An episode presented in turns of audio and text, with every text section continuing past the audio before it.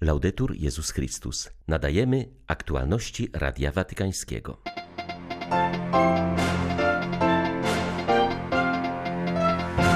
O poruszających gestach solidarności oraz plagach ludzkości mówił papież na Anioł Pański.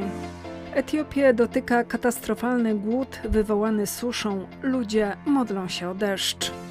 Od 30 lat domowy kościół wspiera rodziny i małżeństwa na Ukrainie. 6 lutego wita Państwa Beata Zajączkowska. Zapraszam na serwis informacyjny. Na własnych życiowych strategiach możemy się zawieść, mówił papież, wskazując, że mimo podejmowanych wysiłków i wyrzeczeń często doświadczamy rozczarowania nocy pustych sieci. W rozważaniu przed południową modlitwą Anioł Pański Franciszek zachęcał, byśmy pozwolili Jezusowi wejść do rozklekotanych łodzi naszego życia, bo z nim wypłyniemy prawdziwie na głębie. Pan lubi wchodzić do łodzi naszego życia, kiedy nie mamy niczego, co moglibyśmy mu zaoferować, wejść w nasze pustki i wypełniać je swoją obecnością, posłużyć się naszym ubóstwem, aby głosić swoje bogactwo. Pamiętajmy o tym, Bóg nie chce statku wycieczkowego, wystarczy mu uboga, rozklekotana łódka, abyśmy go przyjęli. Ale czy wpuszczamy go do łodzi naszego życia? Czy dajemy mu do dyspozycji to niewiele, co posiadamy? On jest Bogiem bliskości, współczucia i czułości. Nie szuka perfekcjonizmu, lecz gościnności. Mówi także do ciebie: pozwól mi wejść do łodzi Twojego życia, takiego, jakie ono jest. Ojciec Święty podkreślił, że Szymon Piotr zrezygnował z dobrze mu znanych strategii rybaków i zaczął polegać na nowości Jezusa. Tak samo jest z nami, jeśli przyjmiemy Pana do naszej łodzi, możemy wypłynąć na głębie, mówił Franciszek. Z Jezusem żeglujemy po morzu życia bez lęku, nie poddając się rozczarowaniu, gdy nic nie ułowimy i nie poddając się temu, że nic już nie można zrobić. Zawsze, zarówno w życiu osobistym, jak i w życiu Kościoła i społeczeństwa, jest coś pięknego i odważnego, co można uczynić. Zawsze możemy zacząć od nowa. Pan zaprasza nas, abyśmy wrócili do gry, ponieważ On otwiera przed nami nowe możliwości. Przyjmijmy więc zaproszenie, przepędźmy pesymizm i nieufność i wypłyńmy na głębie z Jezusem. Wówczas także nasza mała, pusta łódka będzie świadkiem cudownego połowu una pesca miraculosa. Po modlitwie Anioł Pański Ojciec Święty spontanicznie podzielił się dwoma historiami dobra, które w ostatnich dniach zrobiły na nim ogromne wrażenie. Mówił o pięknym świadectwie, jakim było zjednoczenie całego narodu marokańskiego w ratowanie pięcioletniego chłopca, który wpadł do studzienki oraz o solidarności Włochów z chorym na raka uchodźcą z Gany. John, John pochodzi z Gany, ma 25 lat, jest migrantem, który, aby tutaj się dostać, wycierpiał wszystko to, co cierpią inni migranci. Ostatecznie zamieszkał w Monferrato, zaczął pracować i wiązać swoją przyszłość z firmą winiarską, a potem zachorował na strasznego raka i umiera. Kiedy powiedziano mu prawdę i spytano, co chciałby zrobić, odpowiedział wrócić do domu i przed śmiercią uściskać jeszcze tatę. Umierając pomyślał o ojcu i tak w tym miasteczku natychmiast zorganizowano zbiórkę pieniędzy, nafaszerowano go morfiną i wraz z kolegą wsadzono do samolotu i wysłano, żeby mógł umrzeć w ramionach swego ojca. To pokazuje nam, że dzisiaj pośród tylu złych wiadomości są rzeczy piękne, są święci z sąsiedztwa. Franciszek upomniał się także o ochronę ludzkiego życia. W niedzielę we Włoszech obchodzony jest Dzień Życia, któremu towarzyszy hasło Strzeż każdego życia. Ten apel dotyczy wszystkich, zwłaszcza najsłabszych, ludzi starszych, chorych, a także dzieci, którym zabrania się narodzić. Przyłączam się do włoskich biskupów w promowaniu kultury życia jako odpowiedzi na logikę odrzucenia i zapaść demograficzną. Każde życie musi być chronione zawsze.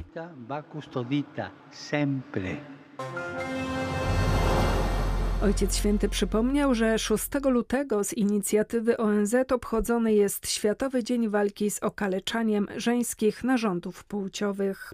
Wskazał, że w różnych regionach świata około 3 milionów dziewcząt każdego roku poddawanych jest tej praktyce, która zagraża ich życiu.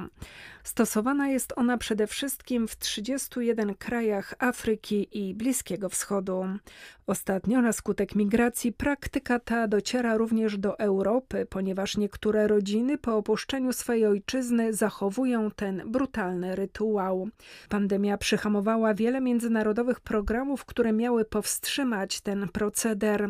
Jak mówi biskup Virgilio Pante z Kenii, w walce z okaleczaniem dziewcząt i kobiet nie wystarczą same zakazy. Na tym polu najlepsze rezultaty przynosi edukacja. Rząd w Kenii zakazał okaleczania dziewcząt. Jest to surowo karane. Można za to nawet pójść do więzienia. Wiemy jednak, że 99% osób robi to nadal w ukryciu, bo panuje przekonanie, że kobieta, która przez to nie przeszła, nie jest gotowa do małżeństwa. Nikt nie weźmie takiej dziewczyny za żonę. Istnieją oczywiście różnice między miastami, między tymi, którzy żyją w centrum, gdzie są szkoły, i tymi, którzy żyją na prowincji czy w sawannie, gdzie wszystko jest tak jak dawniej. W miastach, gdzie ludzie chodzą do szkoły, jest nowe pokolenie, które myśli inaczej i odrzuca te praktyki, ale jest to mniejszość. Małżeństwa, które mają wykształcenie, są dobrze sytuowane, mają pracę, nie okaleczają już swoich córek, organizują jeszcze ceremonie, ograniczają się do małego nacięcia na udach, aby upuścić trochę krwi. Trzeba bowiem wiedzieć, że tu nie chodzi tylko o fizyczne okaleczenie, ale o inicjację, wprowadzenie do dorosłego życia, do małżeństwa.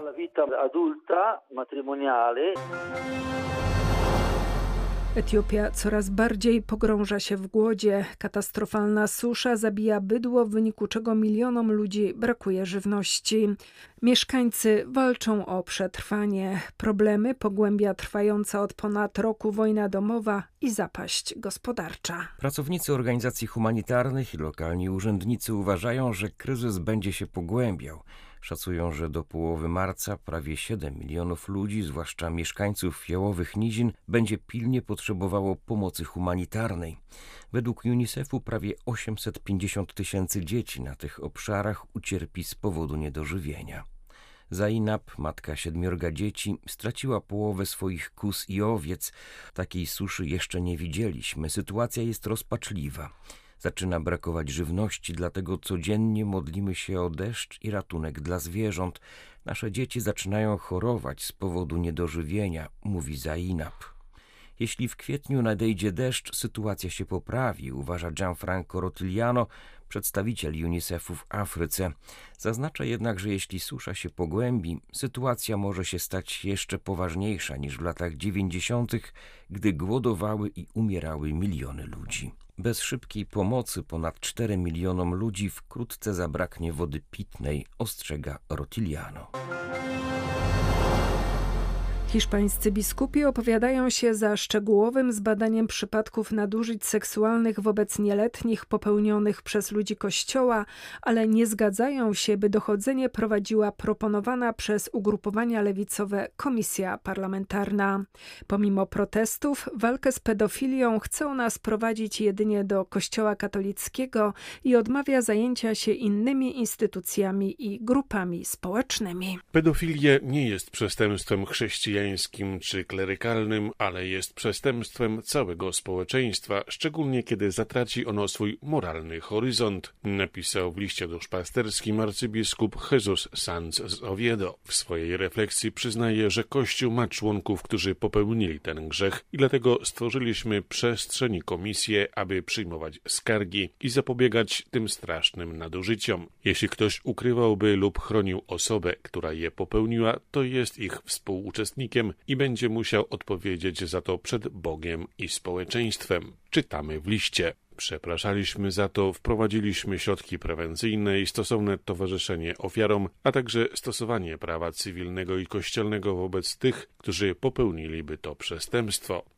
Niezależne badania podają, że duchowni stanowią 2 promile wszystkich przypadków w Hiszpanii. Dziwi zatem fakt, że parlament ignoruje pozostałe 99%, czytamy w liście.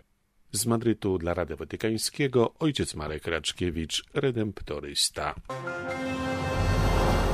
Bocznymi drzwiami lobby zwolenników wspomaganego samobójstwa i eutanazji próbuje zalegalizować w Wielkiej Brytanii odbieranie życia w imię tzw. Tak dobrej pobudki i rzekomego miłosierdzia. Trwają w tej sprawie konsultacje społeczne. Prokuratura koronna, która wnosi oskarżenia kryminalne, bada przypadki tzw. Tak zabójstw z litości. Prawnicy postulują rezygnację z oskarżania o morderstwo osób, które uśmierciły lub pomogły w samobójstwie swoich ciężko chorych bliskich. Warunkiem byłoby istnienie dowodów na to, że dana osoba chciała umrzeć. Mowa o sytuacjach, gdzie na przykład mąż, żona, rodzic czy partner zabija w imię rzekomego miłosierdzia, nie mogąc znieść cierpienia bliskiej osoby. Na razie precedens dotyczyłby wyłącznie tzw. Tak zabójstw z litości osób dorosłych. Analizowany jest m.in. przypadek syna oczyszczonego z zarzutów po podaniu śmiertelnych leków swojemu 85-letniemu ojcu, który rzekomo chciał umrzeć. Sędzia orzekł, że decyzja syna była aktem czystego współczucia i miłosierdzia. Dla Radia Watykańskiego Elżbieta Sobolewska-Farbotko, Radio Bobola, Londyn. Dzięki modlitwie sióstr zakonnych w jednym z amerykańskich miast, St. Louis, spadła liczba aborcji. Franciszkanki od pokutej miłości chrześcijańskiej otworzyły swój klasztor naprzeciwko kliniki aborcyjnej. Zawierzyły go patronce obrońców życia, czyli Matce Bożej z Guadalupe. Klasztor został założony w 2017 roku za aprobatą miejscowego biskupa, po tym jak kilka katolickich małżeństw zaproponowało budowę kaplicy w pobliżu placówki Planned Parenthood. Jest miejscem, gdzie mogą spotykać i modlić się osoby działające w ruchach pro-life. Siostry towarzyszą poprzez modlitwę i gościnność wszystkim, którzy włączają się w budowanie społeczności broniącej życia. Ci, którzy są zbyt nieśmiali, by modlić się w intencji obrony życia pod samą kliniką, mogą przejść przez ulicę i modlić się w klasztornej kaplicy. Klinika Planned Parenthood jest ostatnim miejscem w Missouri, gdzie wykonuje się aborcje chirurgiczne. Od czasu otwarcia klasztoru ich liczba spadła nie tylko w klinice, ale i w całym stanie, stwierdza Emi Costa z organizacji ProLife. Klasztor i jego posługa przykuwają też uwagę innych diecezji. Pogłębiona formacja chrześcijańska i uczenie tego, jak żyć na co dzień sakramentem małżeństwa, to cele, jakie stawiają sobie członkowie ruchu Światło Życie i domowego kościoła na Ukrainie. Założony przez sługę Bożego księdza Franciszka Blachnickiego, domowy kościół obchodzi 30-lecie istnienia w tym kraju. Domowy kościół przyjął się na Ukrainie nie tylko w strukturach kościoła rzymskokatolickiego, ale także w kościele grecko-katolickim. Wraz z młodzieżowym ruchem Światło Życie stał się miejscem formacji młodych katolików którzy weszli w dorosłe życie już po upadku Związku Radzieckiego. Kiedy Kościół katolicki na Ukrainie zaczął się odradzać na nowo, to większość katolików nie miała katechezy młodości, nie mieli jakiejś pogłębionej formacji chrześcijańskiej. Ksiądz Jarosław Gąsiorek, moderator Krajowy Ruchu Światło Życie na Ukrainie. Ruch Światło Życie właśnie daje systematyczną formację chrześcijańską. Druga przyczyna, dla której domowy Kościół jest bardzo ważny i potrzebny w Ukrainie, to ogromny kryzys małżeństwa i rodziny, czyli uczenie jak żyć na co dzień sakramentem małżeństwa, jak budować chrześcijańską rodzinę. To jest fundament Kościoła i dlatego ten ruch się rozwija, dlatego jest potrzebny tutaj. Z Ukrainy dla Radia Watykańskiego ksiądz Mariusz Krawiec, Paulista. Były to aktualności Radia Watykańskiego. Laudetur Jezus Chrystus.